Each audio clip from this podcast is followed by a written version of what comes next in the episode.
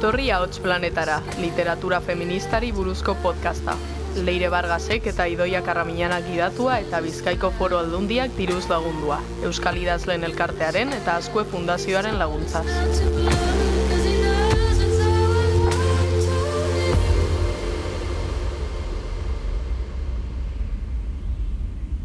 Batzuetan, saia egiten da gravitate gabeko planeta honetan egotea. Liburuek eta hotz landarek tinko eusten badigute ere, kosmosean agintzen duen indar berezi batek beregana erakartzen gaitu. Horregatik, garasi kosmonautak aitortu zidanean unibertso misteriotsu horretan barrena murgiltzeko gogoa zuela, gogo bizia, eta ea berarekin joateko pre sentitzen nintzen, hmm, argi izan nuen. Pena salde batetik baina zorupeko nauta naizen ni, gordelekoan bakarrik sentitzen da eroso. Eta oraindik, ahots planeta honek liburu landare asko ditu azteko, eta hemen gelditzea erabaki dut lore zain, liburu zain. Agian, emakumezko ahotzen unibertsotik helduko ote den bizilagun berri baten zain.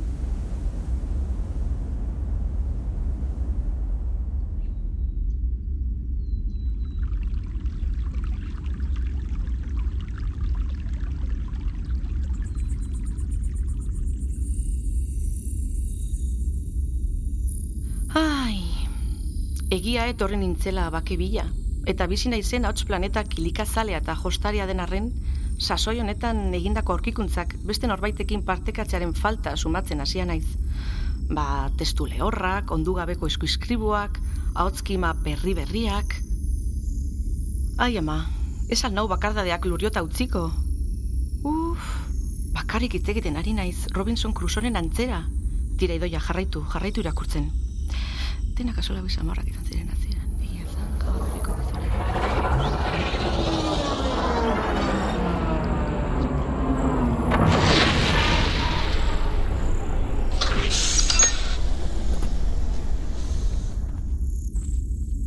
Ara, nordabilor. Idoia aspaldiko, akordatzen zara nitaz, leire naiz durtarra. Bai, bai, noski. Ba, hain zuzen ere egin nuen topo garazirekin duela aste batzuk, e, etxean, lurrean. Kontatu zidan zurekin egona zela hemen, liburu landarei begira, isilarazioi diren ahotsei entzuten. Eta ezin izan nion hauts planetara etortzeko sortu zitzaidan gogoari eutxi. Lurrean hain da frenetikoa dena, hain gaude kontsumoaren menpe, ezen ahaztu egiten baitugu liburuak astiro ahoratzeko artefaktua direla, dastatzekoak eta ez alik eta denbora laburrenean irensteko geinak. Horregatik egin nuen alde lurretik, hitzen garako bidea egiteko beharra dina denbora hartu izateko. Gelditzeko eta arnasa hartzeko, birikak bete arte. Balere, bilatzen ari zaren horretarako lekurik egokienera iritsi zara.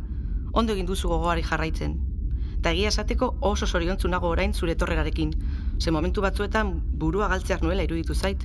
Hainbeste egun bakarrik. Etorri, erakutsiko dizkizut baratzean loratu diren liburu landare berriak. Ai, eskerrik asko idoia, gogotsunago lehenengo aleari oska egiteko. Ba begira, liburu honek badu serikusirik lurtarron ohitura kontsumistekin. Eta baita ona heltzeko egin duzunaren antzeko bideia intergalaktikoekin ere. Ezagutzen zenuen? Ursula Kreuber Leguin, idazle estatuatuarra, gehien zientzia fikzioa jorratu zuen. Oian hitzean mundua mila bederatzireun da argitaratutako novela da. Historioa haren ziklo aindarraren parte da, zeinak etorkizunean kokatutako espazio bidaiak eta planeta ezberdinetako biztanleen arteko harremanak baititu ardatz. Amaia Paulazak ekarri zuen euskarara 2008 batean, igela argitaratxearen eskutik. Datak adierazten digu moduan, Vietnamgo gerraren garaian idatzi zuen leguinek eleberri hau, eta gertakari hori izan zuen inspirazio iturri nagusi. Bai, nahiko agerikoa da. Gainera, ba, deskribatzen dituenean hegazkinak basoen gainetik egan egiten, ikusitako filmak datoskite burura, ez da?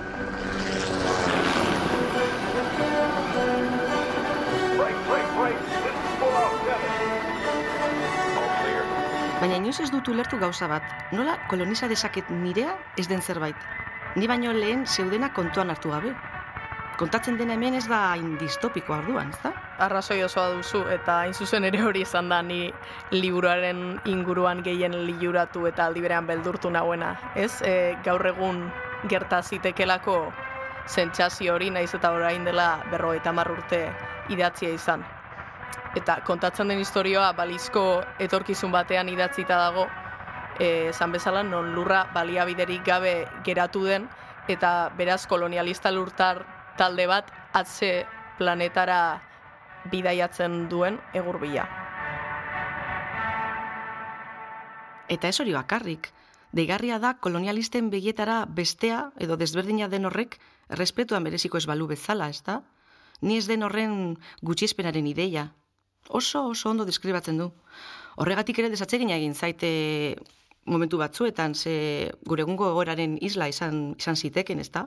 Eta horrek beldurtzen nau, leire, benetan. Pentsatu, hau planetara etorriko balira liburuak e, lapurtzera. Bueno, lasai doia, ez ezazu zeure burua sugestionatu. Bueno, bai, tira. Kontua da lurtarrek ez dituztela planetako biztanleak onartzen. Are gehiago, haien beldur direla esango nuke, ezta? Baina benderatuak aldiz, nahiko jarrera estoiko agertzen dute, naiz eta arratoitxo berdeak e, deitzen dieten. Bai, azkenean beti gertatzen den bezala, ulertzen ez dugun horri uko egiten diogu, ez? Eta gainera, azpikotzat jotzen dugu, horregaitik banatzen ditugu lehenengo eta hirugarren mundua, eta beste hainbeste. Bai, egia. Horregatik dut gustuko Liu Bob pertsonaia. Bai, ze berak bestengatik ikasi nahi du, ez, kulturen arteko zubi bate eraiki nahian edo alako zerbait. Baita horregaitik da gorrotagarria Davidson, ez da? Total. Izon hori jasatea ere. Denak, aixolak abe xamarrak izan ziren hasieran, egia esan. Jaba berriko gizonaiek, etzekiten Deus Smith kanpamenduko izugarrikeriaz. Soilik, komandante nagusia, urak ertatu baino ordu bete lehenago abiatu zela zentralbilera, eta horren bestez bizirik atera zen gizaki bakarra zela. Itxura txarra ematen zuen. Ulerzitekeen zergatik begiratzen zioten hasieran nalako jonas bat balitz bezala. Edo, are okerrago, judas bat balitz bezala.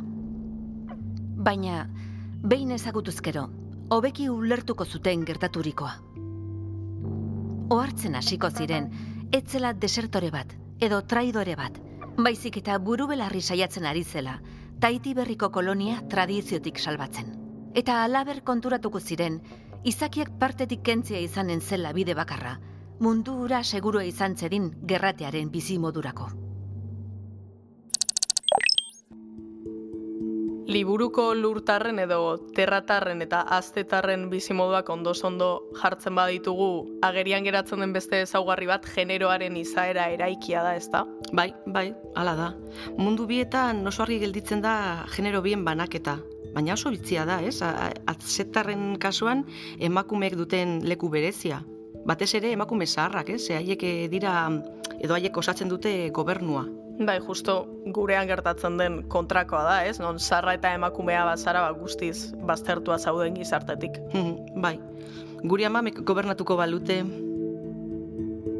Ba, horrek kontraste handia dakar protagonista terratarraren, ez? E, Davidsonen eta atzetarren kosmobizioaren artean. Izan ere, Davidson gizon-gizon moduan deskribatzen da, testualki, e, emakumeak menderatzen dituelako eta violentziarekiko erabateko prestutasuna daukalako. Bai, Beitu, harritu ninduen terratarren jarrera emakumekiko.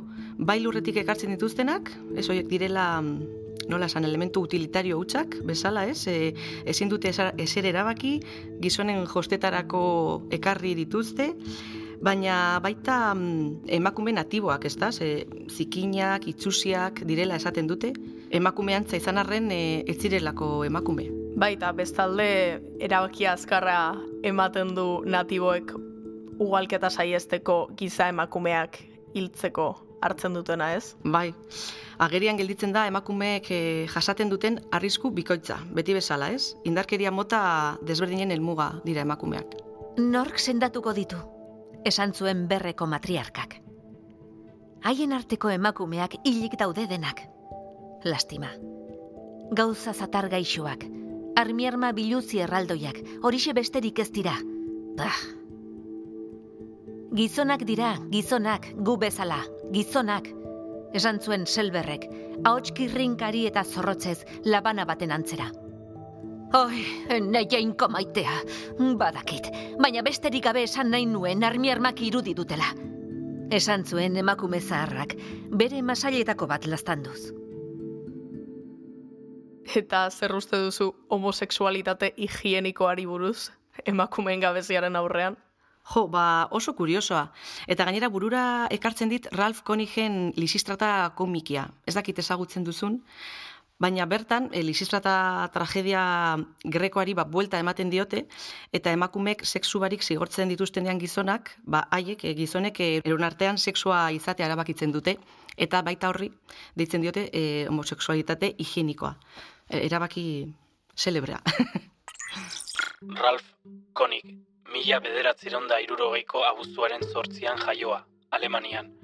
Homosexualitatea jorratzen duten komikien egilea da. Bere lanen artean, ospe handia izan zuen el kondon asesino deiturikoa. Bai, eta gainera, deigarria da nola violentziaren gaia liburuaren ardatzetako bat izanik hiru protagonistak, David Sonselber eta Liubo, gizon bezala identifikatzen diren. Bai, ez dakit kasualitatea izango den edo zergaitik hartu zuen leguinek erabaki hori, baina bat letorke gizakiok gizontasunaren eta violentziaren gerraren artean egiten dugun loturarekin. Desberdintasun fisikoak gora behera. Berez espezieko kidetzat hartu gaituzte, gizontzat. Alta, guk ez dugu erantzun beren espezieko kideek erantzunen luketen modu berean. Ez ikusiarena egin diegu, indarkeria ezari erantzun, eskubide eta bete beharrei. Gizaki natiboak hil, bortxatu, sakabanatu eta esklabo bihurtu ditugu. Haien komunitateak suntsitu ditugu, eta haien oianak eraitsi.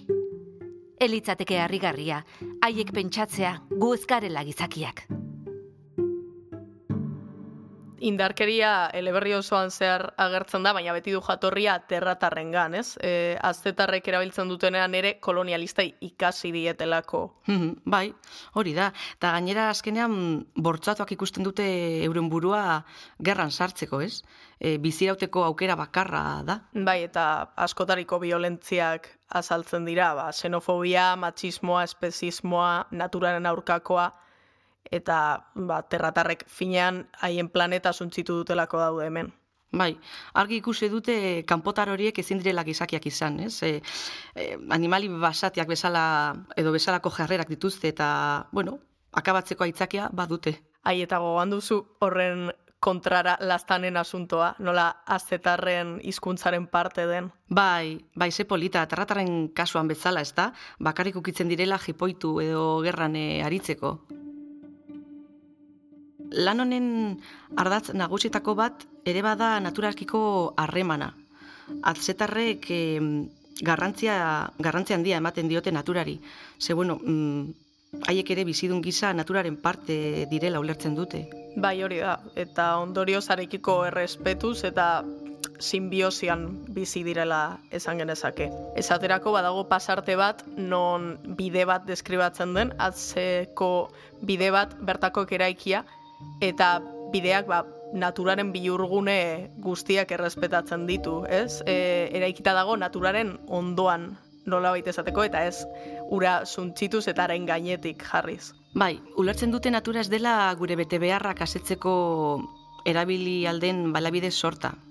Baizik eta zaindu beharreko zerbait, orekaz, ezta? E, gainera, izenburuak asaltzen duen bezala, haien izkeran mundu eta oian esateko hitz bakarra dago. Oda, ez dute mundua ulertzen oian gabe, natura gabe. Terratarrei guztiz kontrakoa gertatu zai, ez? E, haiek baliabideak agortu dituzte. Bai, eta gaur egungo lur planetako panorama ikusi da nahiko gertagarria dirudi horrek, ez? Edo behintzat bai. ala iruditzen zait. Era bat, bai. bai eta terratarrek, ba, jodute atzera egurbila, eta bertakoen bizimodua ezagutzean guztiz primitibotzat hartzen dute, ez? E, atzeratutzat, eta berazortik nik ondorioztatu dudana da hartzen dutela aurrerapena gure bizitza ustez errasteko baliabide sorta sortzearekin e, lotuta dagoen zerbait bezala, baina mm, hori naturaren gainetik mhm. jartze bati lotuta ere badagoena. Bai, gainera aurrerapen horrekin lotzen dute historiaren kontzeptua bera pentsatzen dutelako atzetarrak historia gabeko izakiak direla, ez aurrerako jak edo. Egungo sistemarekin nahiko bat letorke. eta bueno, hori guztia problematizatzen du liburuak, baina ez esplizituki. Bai, nago leguinen ikuspegi antikapitalistak etorkizuna aurre ikusi zuela. Bai, bai, visionarioa izan zen.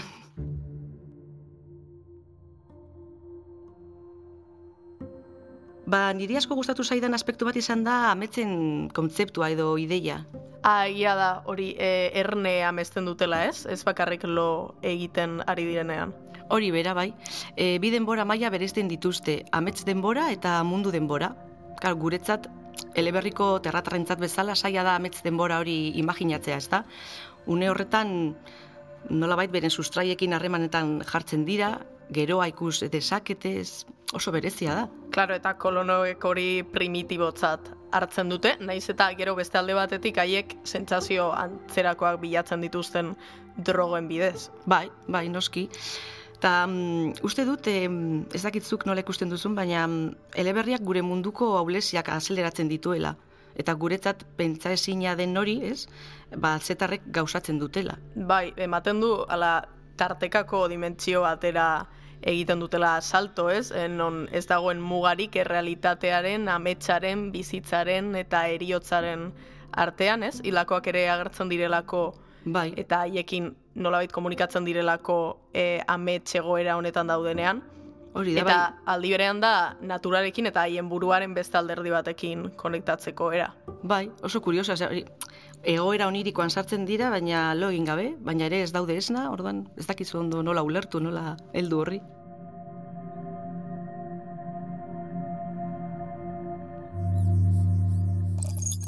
Leire, ez zaigun denbora asko gehiago geratzen, baina uste dut hizkuntzaren hausia aipatu behar, de, behar dela, ezta? Nola hizkuntzaren garrantzia azpimarratzen duen liburuak. Jendarten mundu ikuspegia islatzeko tresna ezinbesteko gisa. Hori da, e, lehen pixka bat komentatu dugun bezala, ba, naturari ematen dioten pisu horren erakusgarri da, kasu honetan hizkuntza ere. Ez, e, mundu eta hoian kontzeptuak berba berean batzen dituztelako atzetarrek. Eta izenburuak horri egiten dio referentzia. Mhm. Bai, eta terratarrak ez dira gai baliokiditza edo lotura hoiek eh, ulertzeko. Eta hori da mm, nolabait liburuko beste gatazka bat, nola elkarren hizkuntza ikasi arren kosmobizioa oso desberdina da. Ta bi gizataldeak ez dira gai elkar guztiz ulertu eta komunikatzeko. Bai, eta terratarrak ez bezala, aztetarrak nolabait kontziente dira muga horretaz, ez? E, eta nik esango nuke horregaitik egiten dutela jainkoaren eta itzultzailearen arteko lotura. E, horrere, ba, hitz berbera daukatelako jainkoaren eta itzultzailearen kontzeptuak adierazteko, eta beraz nolabait esan genezakelako itzultzailea jainkotzat hartzen dutela, ez? Bai, izan daiteke. Baina era agirikoagoan beste zentzu bateko itzultzailea ere bada jainkotzat hartzen dutena. Ze azken batean ametzen esan naia itzultzen, ulertzen duena, ez?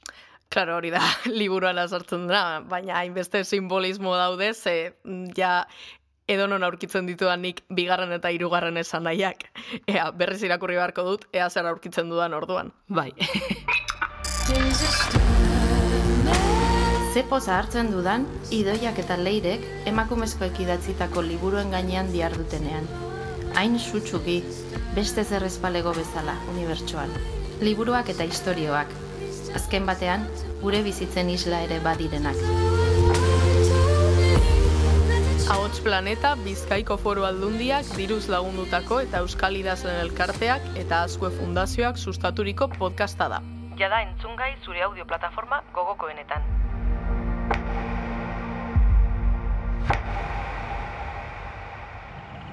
Ei, entzun hori. Ulu Media.